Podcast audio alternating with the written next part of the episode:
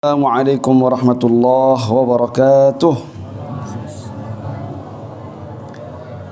الحمد لله وكفى والصلاة والسلام على خير عباد المصطفى وعلى آله وصحبه الشرفاء ومن تبعهم بإحسان اليوم الدين أهل الصدق والوفاء أما بعد Jamaah salat maghrib Musalla Nurul Safa yang semoga semuanya dimulakan oleh Allah Subhanahu wa taala. Umurnya dipanjangkan, rezekinya Allah perluas dan segala urusan yang Allah berikan kemudahan. Amin ya rabbal alamin. Ada sebuah amalan. Amalan yang sangat mudah, sederhana, tetapi pahalanya, keutamaannya luar biasa. Mudah sekali hanya tinggal datang ke musola tepat waktu kemudian mengangkat suara 2 sampai 4 menit pahalanya luar biasa. Sehingga pahala ini dirahasiakan oleh Allah Subhanahu wa taala. Dalam sebuah hadis riwayat Imam Bukhari dan Muslim hadis sahih. Rasulullah sallallahu alaihi wasallam bersabda lau ya'lamun nas ma fin nida was saffil awal thumma la la yajidu illa ayyastahimu alaihi lastahammu alaihi kata Rasulullah wasallam seandainya orang-orang tahu ada pahala apa yang terdapat di an-nida. An-nida itu azan. Di azan dan soft pertama pasti orang-orang akan berebut. Rebutan. Soft pertama rebutan juga pengen azan. Sehingga tidak bisa menemukan cara lain kecuali pakai diundi. Seandainya harus diundi, dikocok kayak arisan, ya, itu pasti mereka lakukan. Pasti orang-orang akan lakukan. Untuk apa? Demi dapat soft pertama dan azan. Tapi kenyataannya begitu apa begitu? Tapi kenyataannya rame apa enggak rame? Soft pertama dorong-dorongan, Ya, biasanya yang sepuh yang sepuh di depan, yang muda seakan-akan nggak butuh pahala di belakang aja. Kadang-kadang ada yang nggak pede karena pakai kaos nggak mau di soft pertama dan seterusnya. Padahal kata Rasulullah, seandainya tahu soft pertama, seandainya tahu apa pahala azan, pasti rebutan.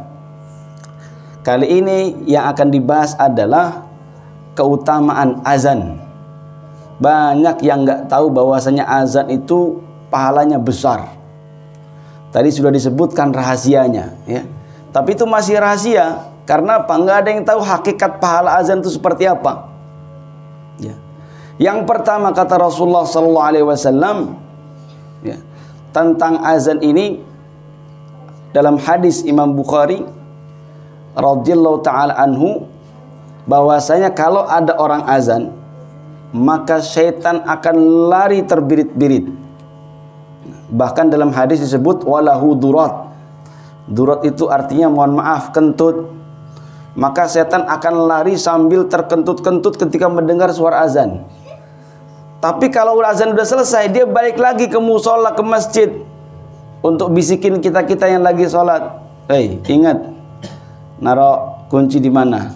Wah ingat, tadi masak itu. Wah tadi ingat naro ikan belum ditutup sehingga orang bisa lupa. Apakah sudah sholat dua rakaat, apa sudah tiga, apa sudah empat? Setan balik lagi. Kenapa setan lari ketika mendengar azan?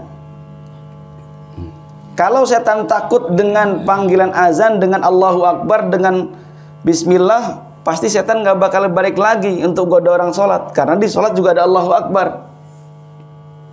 Betul betul.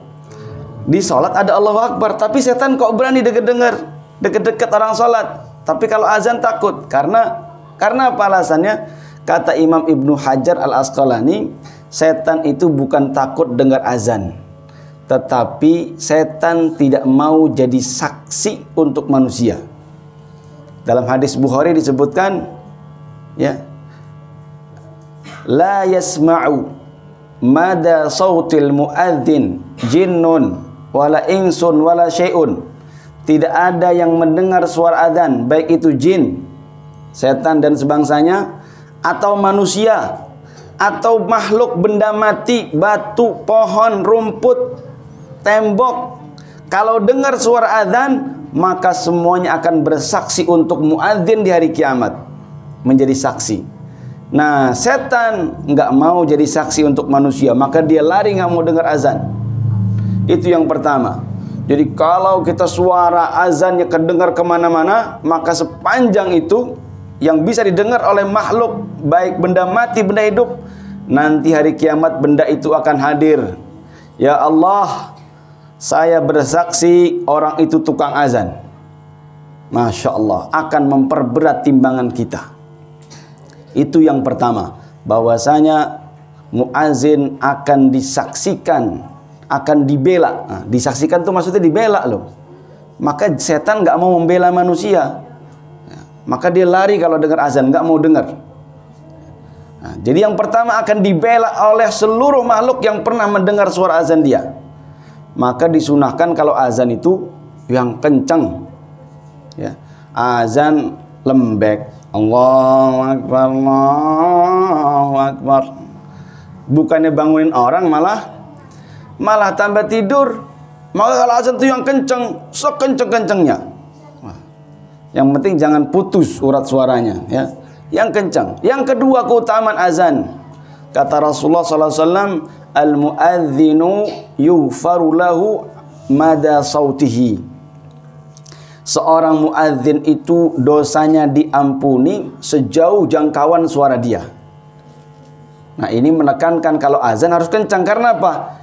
Sejauh suara dia azan sampai ke mana sampai situ dosanya diampuni oleh Allah subhanahu wa ta'ala al muadzinu yughfaru lahu mada sautihi wa yastaghfirullahu kullu rabbin wa yabis dan akan dimintakan ampun oleh siapa? Oleh makhluk yang hidup ataupun yang mati. Benda mati atau makhluk hidup. Mereka beristighfar untuk siapa? Untuk muadzin. Nah, misalkan azan di sini siapa? Itu yang di belakang lagi ngobrol itu. Azan Allahu Akbar, Allahu Akbar. Ada rumput, ada semut, ada batu, ada lumut, itu beristighfar untuk muazin, untuk yang azan. Luar biasa. Diampuni oleh Allah Subhanahu wa taala sepanjang sejauh jangkauan suara dia. Yang ketiga, apa pahala azan, keutamaan azan? Kata Rasulullah sallallahu alaihi wasallam dalam hadis Imam Tabrani, wa ajruhu mithlu ajri man shalla ma'ahu seorang muadzin akan mendapatkan pahala seperti atau sejumlah pahala orang-orang yang sholat bersama dia. Di musola Nurul Sofa ini berapa orang yang sholat? Sekarang ada 70 orang.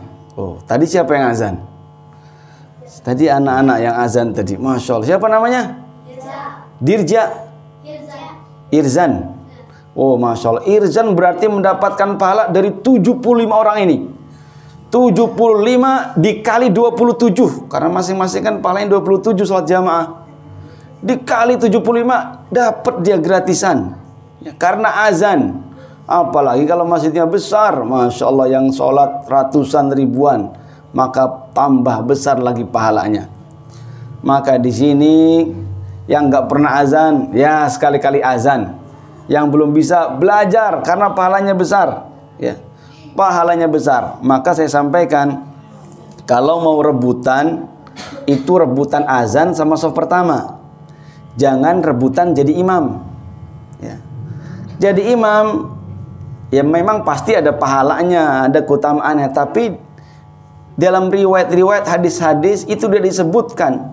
Tidak disebutkan pahala sebesar pahala azan dan tidak diperintahkan oleh Rasulullah SAW untuk rebutan imam.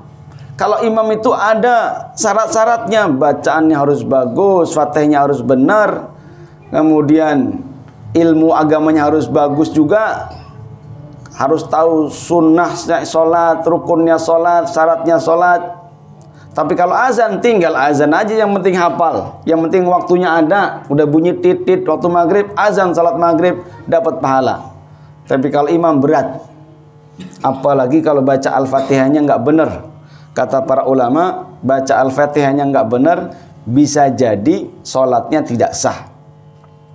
Kesalahan Fatihah itu ada dua. kesalahan baca Al-Quran sekalian ini ada namanya khotoun khafi kesalahan yang ringan yang tidak terlalu kelihatan itu itu tidak membatalkan sholat salah saja tapi ada kesalahan yang berat. Lahnun jali.